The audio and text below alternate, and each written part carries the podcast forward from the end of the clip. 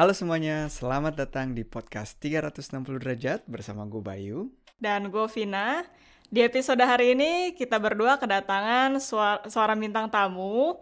Jadi um, dia ini mendalami juga tema mindfulness dan kita berdua sangat tertarik untuk berbicara dengan dia karena kita melihat tema mindfulness yang dia dalami juga relate dengan yang namanya self healing. Jadi tanpa berpanjang lebar kita sambut Ismi Shofia. Sebelum kita masuk lagi ke perbincangan yang lebih dalam tentang mindfulness dan self healing ini, um, kamu bisa ceritain sedikit nggak um, background dari bagaimana sih awal mulanya kamu menemukan mindfulness? Halo Kak Vina, terima kasih pertanyaannya.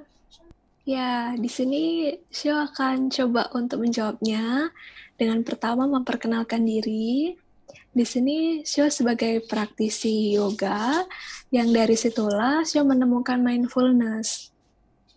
Di situlah hmm. akhirnya karena mindfulness ini ternyata relate ya sama self healing, yang mana self healing Sio belajar dari yoga, akhirnya belajar-belajar, oh kok ternyata cocok ya dengan bagaimana kita menerapkan suatu asana atau gerakan yoga dengan penuh kesadaran nafasnya pun juga disadari. Nah, di situlah akhirnya awal mula show kenal mindfulness. Begitu Kak Vina. Ya, um, kalau tadi show cerita masuknya itu dari yoga ya show ya. Mungkin uh, kalau bisa one step uh, a little further back gitu ya. Uh, kalau sekarang pertanyaannya bagaimana dulu uh, show itu tertarik dengan yoga. Kenapa aku uh, nanya kayak gitu? Karena aku punya banyak temen yang dia juga ikut um, yoga classes gitu ya atau mendalami yoga. Tapi mereka itu atau banyak yang um, hanya sebatas ke bagian fisiknya aja. Oh ya udah berarti gue sekarang ke kelas yoga, gue stretching sedikit, terus habis itu semuanya enak. Tapi uh, tidak semuanya uh, menemukan jembatan yang show temukan itu dari yoga ke dunia mindfulness. Jadi mungkin kalau uh, pertanyaannya adalah gimana show dulu ketemu dengan yoga dan pertanyaan yang keduanya uh, apa yang bisa um, menjembatani bahwa oh ini yang sekedar fisik aja nggak cukup gitu buat show show ngerasa ada um, sesuatu yang lebih dalam dari itu ada sehingga bisa masuk ke dunia mindfulness juga gitu. Secara konkretnya tuh apa yang terjadi sih show? Ya, Terima kasih Kak Bayu pertanyaannya. Jadi sebetulnya uh, yoga ini menarik orang-orang yang memiliki gangguan kesehatan. Semua as semua aspek dalam kesehatan yang ada gangguan, hmm. yakni secara fisik, secara spiritual, mental, emosi, semua orang yang mencari uh, akar masalah dari gangguan kesehatannya hmm. pasti akan attract, pasti akan tertarik uh, dengan yoga. Kenapa Sio bisa bilang begitu? Karena um, seseorang yang mendalami apa sih sebenarnya yang saya alami gitu ya, yang mana dia mencoba memberdayakan dirinya daripada hanya sekedar um, bergantung pada orang lain dan pada suatu hal. Hmm. Nah, di situlah akhirnya Sio secara pribadi menemukan bahwa hmm, di sini tuh ada loh kaitannya dengan pemberdayaan diri. Nah, hmm. di pemberdayaan diri di sini ternyata bukan hanya sekedar hal yang mudah ya, hmm. perlu perjuangan. Nah, di situlah terkait dengan mindfulness. Sio di sini menemukan bahwa mindfulness menjadi mindful, kita hidup pada hari ini secara sadar, kita penuh dengan rasa syukur, itu perlu waktu hmm. dan sedikit demi sedikit dilakukan kita secara sadar sedang belajar nah itu jadi mungkin nah pertanyaan dari Kak Bayu sebenarnya yang bisa show bagikan karena show di sini awalnya ada gangguan kesehatan secara fisik hmm. di situ akhirnya dapatnya yoga hmm. ternyata yoga aja belum cukup karena hmm. tadi yang Kak Bayu bilang bahwa banyak sekali orang-orang yang hmm, hanya sekedar gerakan-gerakan. Hmm. Di sinilah makna yang membuat Shu itu tertarik untuk belajar lebih dalam tentang mindfulness. Karena mindfulness semakin mempengaruhi bagaimana yoga ini bisa memberikan manfaat lebih maksimal. Hmm, hmm. Sebenarnya um, setuju banget sih Sho sama apa yang kamu utarakan barusan ya. Karena aku juga mengenal mindfulness itu sebenarnya setelah aku berada di titik berat dalam hidup aku waktu itu. Dan aku selalu berharap bahwa orang-orang itu lebih banyak yang mengenal mindfulness karena ya aku melihat sih di generasi sekarang ini apalagi dengan banyaknya uh, sosial media dengan teknologi yang sangat cepat bertumbuhnya gitu ya, kita jadi punya banyak distraksi yang semakin menurut aku menjauhkan uh, diri manusia itu untuk mengenal dirinya sendiri gitu. Um, sebenarnya menurut Sho uh, sepenting apa sih mindfulness ini dan self healing ini untuk kehidupan kita gitu? Ya, sepenting kayak kita mau makan, sepenting kita harus makan dan harus minum ketika lapar dan haus. Jadi, kebutuhannya ya secara mendasar kita perlukan gitu untuk hidup. Nah, dari sinilah akhirnya kenapa tadi yang Kak Vina tanyakan mindfulness itu penting untuk orang zaman sekarang gitu ya. Karena hmm. memang hmm. sekarang di dunia ini banyak sekali orang yang terburu-buru. Hmm. Banyaknya uh, kebutuhan untuk manusia memang perlu melakukan dengan cepat. Hmm. Nah, itu sebenarnya bukan suatu hal yang salah. Melainkan hmm. hal ini bisa mengaburkan fakta bahwa manusia perlu untuk berhenti sejenak. Perlu untuk menyadari apa yang ada di sekitarnya dan bagaimana dirinya bisa merespon, bisa berkoneksi, bisa selaras dengan semesta, dengan apa yang terjadi di lingkungannya. Iya, itu aku ngerasa ngerasa dicubit barusan show karena aku tuh orangnya tuh kayak oktopus. Jadi kalau bisa lagi makan sambil ngetik, terus sambil ngerekam video, sambil ah, itu paling itu aku banget gitu. Jadi memang itu juga aku perjuangan yang tadi show bilang gitu ya. Itu memang memang memang untuk bisa mindful itu ya makanya mungkin kita nyebutnya juga mindfulness practice gitu ya tidak tidak ada orang yang bisa um, tidak ada orang yang bisa baru mulai tiba-tiba langsung jadi master di dalam bidangnya itu semua butuh waktu dan itu semua butuh latihan. Um, kalau sekarang kita masuk ke tema self healing show yang aku tertarik dengan um, self healing itu mungkin pertanyaannya karena aku juga kalau tentang sema self healing ya bisa bisa dilihat atau bisa disebut uh, orang awam ya. Aku belum terlalu kenal dengan tema self healing itu sendiri itu loh. Jadi mungkin pertanyaannya kita itu yang pertama healing, healing dari apa?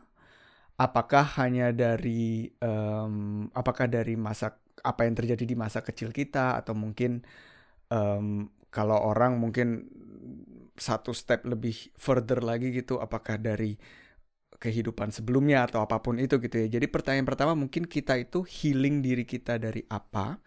Dan yang kedua, um, Show punya pengalaman ini nggak Show tentang self healing?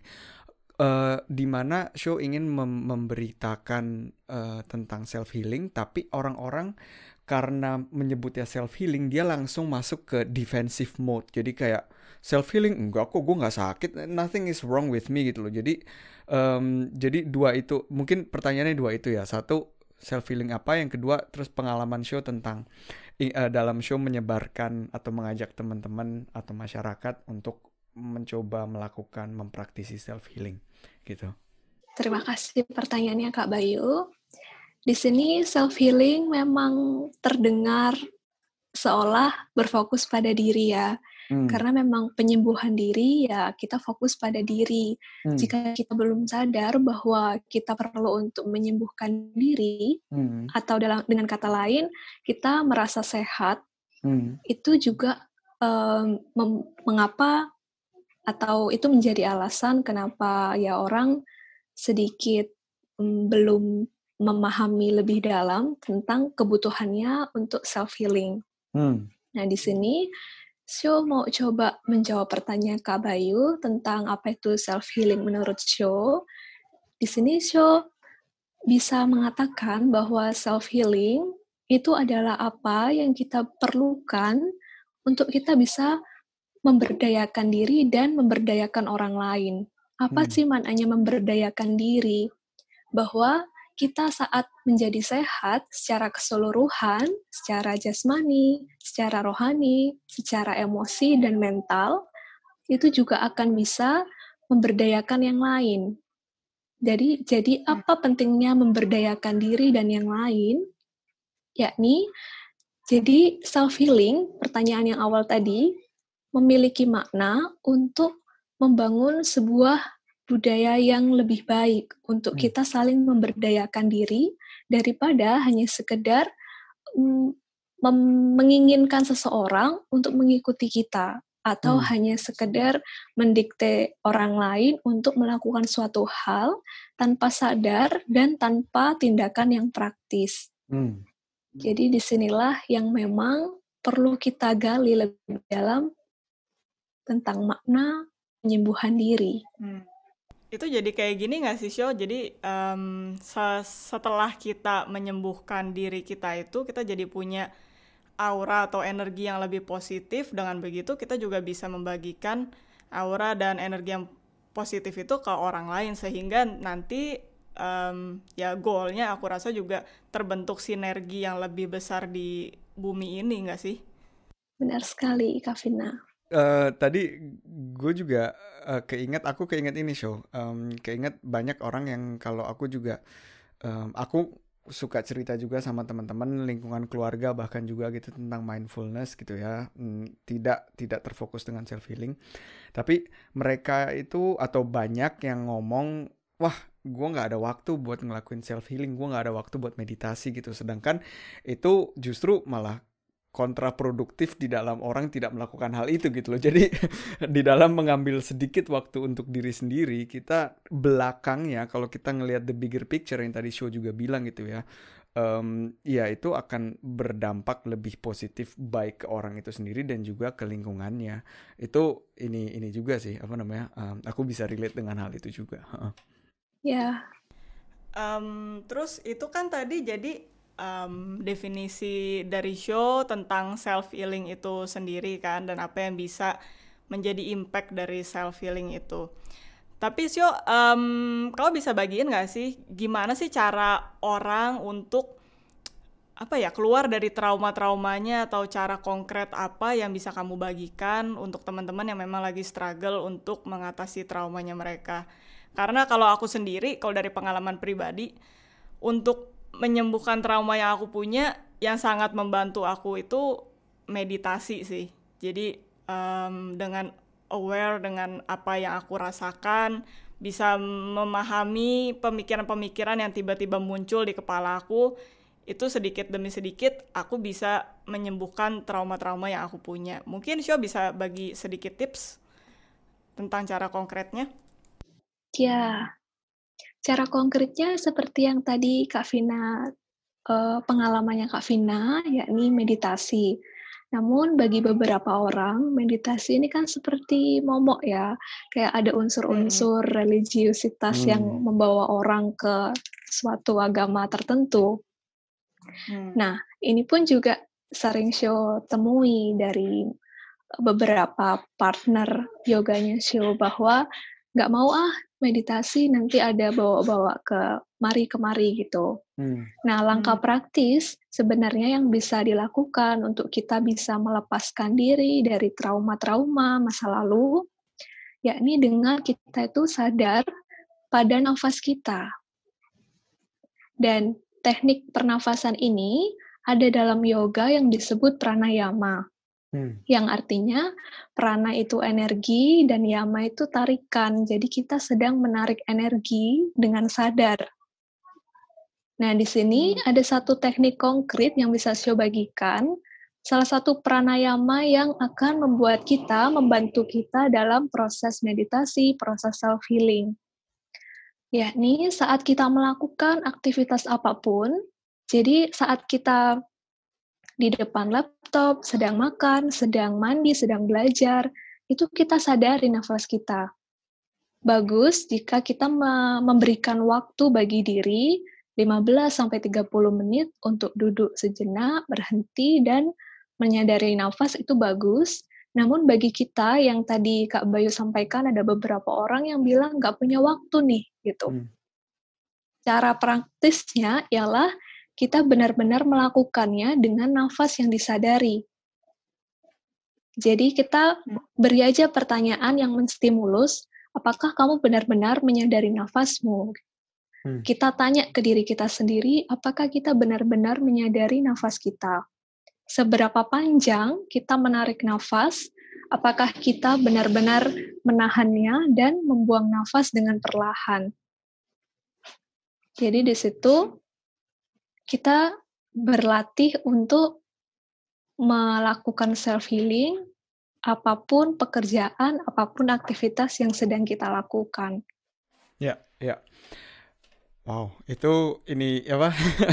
Satu tips yang benar-benar terdengar sederhana, tapi buat teman-teman yang ngedengerin, cobain ngelakuin itu dan rasain apa artinya yang tadi show bilang bahwa semua ini adalah perjuangan karena karena aku sendiri juga tahu bahwa itu memang itu memang tidak semudah dan tidak seindah apa yang di apa yang dirasakan gitu. Dan itu juga um, mungkin yang show juga bisa um, bisa share gitu ya bahwa mungkin kita semua setuju bahwa um, knowledge itu tidak cukup gitu loh. Hanya untuk bisa mengetahui tips-tipsnya apa yang mungkin show bisa share di sini atau apa yang aku sama Vina coba untuk share sama teman-teman juga di podcast kita. Hanya untuk mengetahui itu saja tuh itu baru itu itu baru 50% lah gitu kasarannya gitu ya. Masih ada bagian yang harus dirasakan yaitu benar-benar me me melakukannya secara nyata dan benar-benar merasakan dan mengerti dalam dalam dunia ya ya lebih dalam lebih dalam dari hanya dunia intelektual yang ada di kepala aja tapi benar-benar apa ya Erfahrungseben itu uh, benar-benar dirasakan gitu loh apa rasa ini. Karena memang banyak banget ya dulu mungkin aku share sedikit ya dulu aku juga hmm, pertama apa meditasi itu karena dulu papa meditasi papa meditasi ngikut satu vipassana di Indonesia. Terus dia uh, sharing sharing apa namanya sharing pengalamannya dan dia bilang kamu kalau ada kesempatan ikut vipassana gitu kan. Um, pas aku ikut itu um, sebelum aku ngikut, dia mencoba untuk menjelaskan plusnya apa yang bisa dia, dia dapatkan dengan meditasi. Itu aku cuma aha, aha, aha, gitu-gitu doang. Begitu aku ngikutin itu dan mempraktisi itu, banyak banget momen di mana bahkan kita tidak lagi menyebut rasa itu dalam sebuah bentuk kata karena ya sulit ya kadang-kadang ya oh, apa vocabulary-nya atau kosakatanya kan sulit ya untuk menjelaskan sebuah perasaan ya. Um, tapi kita berdua tuh kadang-kadang tuh suka either vibrasinya udah sama atau ada di vibration yang sama. Jadi kita kayak oh ya aku ngerti apa yang kamu bilang, kamu ngerti apa yang aku bilang gitu. Jadi itu emang emang emang ini sih memang memang apa namanya efek dari efek dari uh, semuanya itu memang harus dilakukan dan dipraktis gitu ya. Um, kalau kita masuk ke ini sekarang show, aku sama Vina kita sempat ngeliat apa profile show di Instagram dan kita tahu show punya satu platform yang namanya Nadasvati. Um, mungkin kalau show bisa uh, cerita sedikit kepada teman-teman yang ngedengerin um, apa sih Nadasvati itu dan kalau dari aku mungkin juga pertanyaan tambahannya arti dari Nadasvati itu sendiri itu apa sih? Ya, apa itu nanda swasti? Sebenarnya tujuan awalnya adalah studio yoga yang hmm. menciptakan suasana yang kondusif bagi pemberdayaan diri manusia. Hmm. Yang artinya yoga di sini suasananya mau diciptakan yang penuh dengan kerjasama dan kolaborasi. Bahwa kita ada diskusi setelah kita melakukan suatu gerakan atau nafas pernafasan, kita ada diskusi Hmm. Nah, di situlah yang makna dari setelah keluar dari kelas, kita akan mampu melakukan self-healing sendiri di rumah. Hmm. Namun, nyatanya, um, karena memang ini merupakan proses jangka panjang ya, bahwa nggak sehari dua hari untuk hmm. mewujudkan hal itu. Jadi di sinilah makna dari makna tersembunyi dari nama nada swasti. Hmm. Nah, jadi nada swasti itu uh, sebuah nama studio yoga yang show dan salah satu rekan bisnisnya show itu pilih yang mem membawa makna bagi ini sebenarnya relate dengan tujuan kita, goal kita. Yang artinya hmm. nada di sini kemakmuran dan swasti di sini ialah maaf, nada di sini artinya keselarasan dan swasti kemakmuran. Hmm. Jadi kemakmuran yang selaras bahwa kita nggak bisa untuk bangun suatu usaha, suatu bisnis itu berdasarkan kita memanipulasi orang untuk terus bergantung pada kita. Jadi ada hmm. pertanyaan dari salah satu anggota dari salah satu tim nada swasti, jika nanti kita memberdayakan orang terus-menerus, apakah kita nggak rugi? Hmm. Bukankah suatu usaha itu memang ada gimmick yang bikin orang itu tergantung sama kita? Hmm. Hmm. Nah, di situ value dari nada swasti yang saya mau bagikan juga bahwa value memberdayakan diri di sini memiliki makna yang untuk bisa bertahan. Jadi bukan hanya sekedar usaha yang satu dua tahun jalan terus nggak uh, berhenti, melainkan pemberdayaan diri di sini ya jangka panjang. Ini hanya proses hmm. awal jika ada naik turunnya usaha suatu usaha ya memang ini bagian dari perjalanan panjang tersebut. Itu. Itu barusan aku uh, apa ya? kayak tersentuh gitu loh Shio sama apa yang kau bilang. Merinding. iya karena karena ya ini aku banyak juga lah teman-teman yang memang bergerak di uh, dunia bisnis gitu ya. Dan jarang banget uh, bisnismen itu yang berpikiran seperti kamu Shio. Jadi memang mindsetnya tuh udah ya udah keuntungan keuntungan keuntungan uh, orang bergantung tadi yang kamu bilang bergantung sama mereka gitu. Jadi itu tadi ya nggak tahu kayak momen yang bikin aku tersentuh gitu dengan perkataan kamu gitu. Um, mungkin sekarang uh, sebelum kita mencapai akhir dari sesi kita ini ya Shio um, apa sih yang bisa dilakukan sama teman-teman gitu supaya menjadi manusia yang lebih mindful gitu. Dan menurut kamu uh, stepnya itu kita harus menjadi mindful dulu, baru kita uh, menyembuhkan diri kita, atau itu berjalan selaras. Karena kalau di pengalaman aku, itu di saat aku dengan tadi yang aku cerita dengan meditasi itu ya berusaha lebih aware dengan keadaan sekitar, dengan apa yang aku rasakan di tubuh, dengan pemikiran-pemikiran itu tuh kadang-kadang aku malah menjadi uh, lebih sensitif gitu loh show jadi kayak trauma-trauma semuanya keluar. Jadi kadang-kadang aku merasa kayak aduh apa ini terlalu terlalu aware ya? Apa apa aku seharusnya menyembuhkan satu persatu trauma dulu um, sebelum melakukan mindfulness practice gitu jadi kadang terlalu overwhelmed juga dengan perasaan-perasaan yang tiba-tiba muncul semua gitu ke permukaan gitu jadi menurut kamu itu gimana sih? Um, apakah kita harus menjadi aware dulu, menjadi mindful dulu, baru menyembuhkan diri? Apa itu ya terjadi secara bersamaan gitu? Baik, pertanyaannya bergantung pada setiap kebutuhan Kavina. Tapi secara umum hmm. bisa saya bagikan bahwa langkah sederhana dan paling praktis yang bisa kita lakukan ialah kita sadar dulu pada hal yang terkecil yang udah semesta berikan ke kita, yang Tuhan berikan ke kita. Yang perlu kita syukuri. Karena jika hal kecil saja belum kita sadari, belum kita syukuri, kita akan uh, akan menimbulkan kekaburan bagi kita untuk mengapa aku harus melakukan hal tersebut gitu. Karena ini bukanlah suatu paksaan ya ini yang tadi hmm. bahwa ini adalah perjuangan dan gak semua orang mau bersedia untuk berjuang.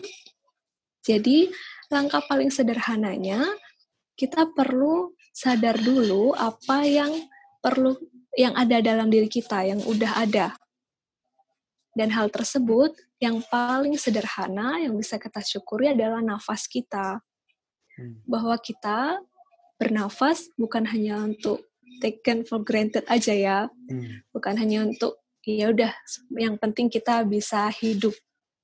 Tapi di sini adalah langkah awal dengan kita sadar tarik nafas ini loh kita sadar satu dua tiga empat ditahan satu dua tiga empat dan dihembuskan satu dua tiga empat dalam aktivitas apa pun kita menyadari nafas kita dan kita ada rasa syukur bahwa hal sekecil ini udah semesta berikan ke kita, udah Tuhan berikan ke kita.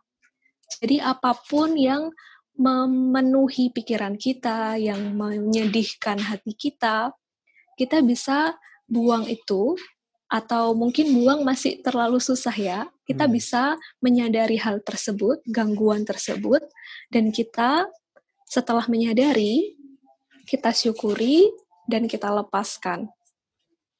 Jadi trauma itu bukankah suatu pengalaman emosional yang uh, ditandai oleh kita masih susah untuk menerima diri, toh? Nah, di sinilah penerimaan diri kita berupa ya kita punya nafas, sekalipun kita menjudge diri kita punya ya ini yang membebani, yang memenuhi pikiran kita, tapi kita punya nafas ini loh. Nah, ini show, aku masih punya satu pertanyaan yang yang pertanyaan yang muncul ke permukaan selagi kita lagi ngobrolin ya. Karena aku kan juga uh, ber melatih untuk berusaha mindful sehari-hari gitu ya. Dan kalau aku ngelihat perbedaan kita uh, bukan perbedaan, tapi ngelihat bahwa show sudah ada di bagian di mana show mengajarkan uh, mitra yoga show gimana caranya untuk melatih mindfulness. Jadi show ada di hmm, gimana ya? Show sebagai praktisi yang lebih intensif lah kalau dibanding sama aku gitu. Uh, I would say gitu ya. Pertanyaan aku kalau show sendiri tuh sebenarnya tuh masih punya ini nggak sih? Masih punya kesulitan untuk menjalani hidup secara mindful atau itu kayak udah um, bisa dibilang mayoritas hari-harinya show karena sekali lagi meskipun aku sharing ke teman-teman aku tentang mindfulness gitu ya, aku juga bi selalu bilang ke mereka gitu, ini um, susah mudahnya itu ya setiap orang akan menemukannya jalan sendiri-sendiri gitu loh. Tapi uh, aku cuma bilang ya ini adalah jalannya gitu loh untuk mengenal diri sendiri, mencintai diri sendiri dan untuk bisa memberikan cinta ke ke sekitar juga gitu. Tapi kalau show yang sebagai sebagai praktisioner yang juga membagikan ilmu ini kalau di dunia kalau di hidup show sendiri tuh kesulitan gak sih show? Pengetahuan ini membuat diri show melihat tantangan sebagai suatu hal yang menghidupkan dalam arti um, daripada kita bosan ya. Sebenarnya bosan itu kan lebih nggak enak daripada kita kan nah di situlah melihat hal ini sebagai tantangan yang setiap hari akan mewarnai harinya show. Hmm. jadi dengan praktik praktek-praktek self healing melalui yoga mindfulness itu memberikan waktu bagi show untuk lebih mengenali diri. Hmm ada ini nggak show? Ada perasaan takut nggak yang muncul ke permukaan? Kalau apa namanya di saat show mengambil yang tadi kita udah mau ngomongin sekarang dunia itu sangat hektik ya. Semuanya tuh serba cepat gitu ya. Tapi kita yang berusaha untuk me, secara sadar dan proaktif untuk bilang enggak gue nggak mau ke bawah arus. Um, ada nggak sih rasa ketakutan yang di dalam diri show yang menyeakan wah ini gue kalau selambat ini atau gue kalau take time selama ini kayaknya gue bakal ketinggalan kereta nih gitu. Ada nggak sih perasaan kayak gitu? Ada, namun mm, perasaan seperti itu jika kita terima aja ya, justru hmm. itulah yang akan mengakibatkan trauma nanti. Hmm. Jadi di sinilah waktu yang tepat untuk berhenti sejenak, bahwa menjadi perlahan kita untuk berhenti sejenak itu bukan berarti kita hmm, apa mundur atau didului oleh orang lain. Hmm. Justru kayak ibarat apa itu namanya mainan yang ini loh Kak Bayu. Apa itu? Kita mundur sejenak untuk bisa berlari. Ketapel. Itu namanya apa ya? Ketapel. Hmm. Hmm. Hmm. Oke, sip sip. Berarti itu satu satu penjelasan dari show gitu ya, bahwa untuk teman-teman yang sekarang ngedengerin juga gitu ya. Jadi orang-orang yang memang sudah lama atau memang intensif menjalani mindfulness, self practicing self healing, itu bukan berarti perasaan-perasaan tersebut tidak uh, tidak ada di dalam orang-orang tersebut. Tapi perbedaannya adalah di mana kita tidak terbawa arus akan perasaan-perasaan tersebut. Justru seperti yang Show bilang, justru itulah kesempatannya. Dan semakin kita berlatih, um, aku juga yakin teman-teman juga bisa menjadi lebih peka dan menyadari sebelum masuk ke arus ini, jadi sadar, oh ini ada arus gitu loh. Jadi akan eh, kadang-kadang juga kita secara tidak sadar masuk. Nah, kalau memang kejadian-kejadian itu pun terjadi ya jangan terlalu harsh atau jangan terlalu keras kepada diri sendiri juga. Oh ya udah keluar lagi dari arus gitu. Oh ya ketawain sendiri. Oh basah nih sekarang lagi habis masuk ke arus. Sabar lagi pelan-pelan lagi ya. Jadi untuk teman-teman sih ingetnya gitu aja. Jangan jangan ngerasa kalau ada perasaan yang naik. Wah berarti gue salah praktisnya. Justru itu adalah indikator yang benar gitu sih. Tambahan dari aku mungkin ya. Oke, Show. Uh, sebelum aku menutup pembicaraan ini, um, di mana teman-teman bisa melihat profil Show atau apa yang Show kerjakan, apa apa yang Show bagikan saat ini, di mana mereka bisa mengecek itu.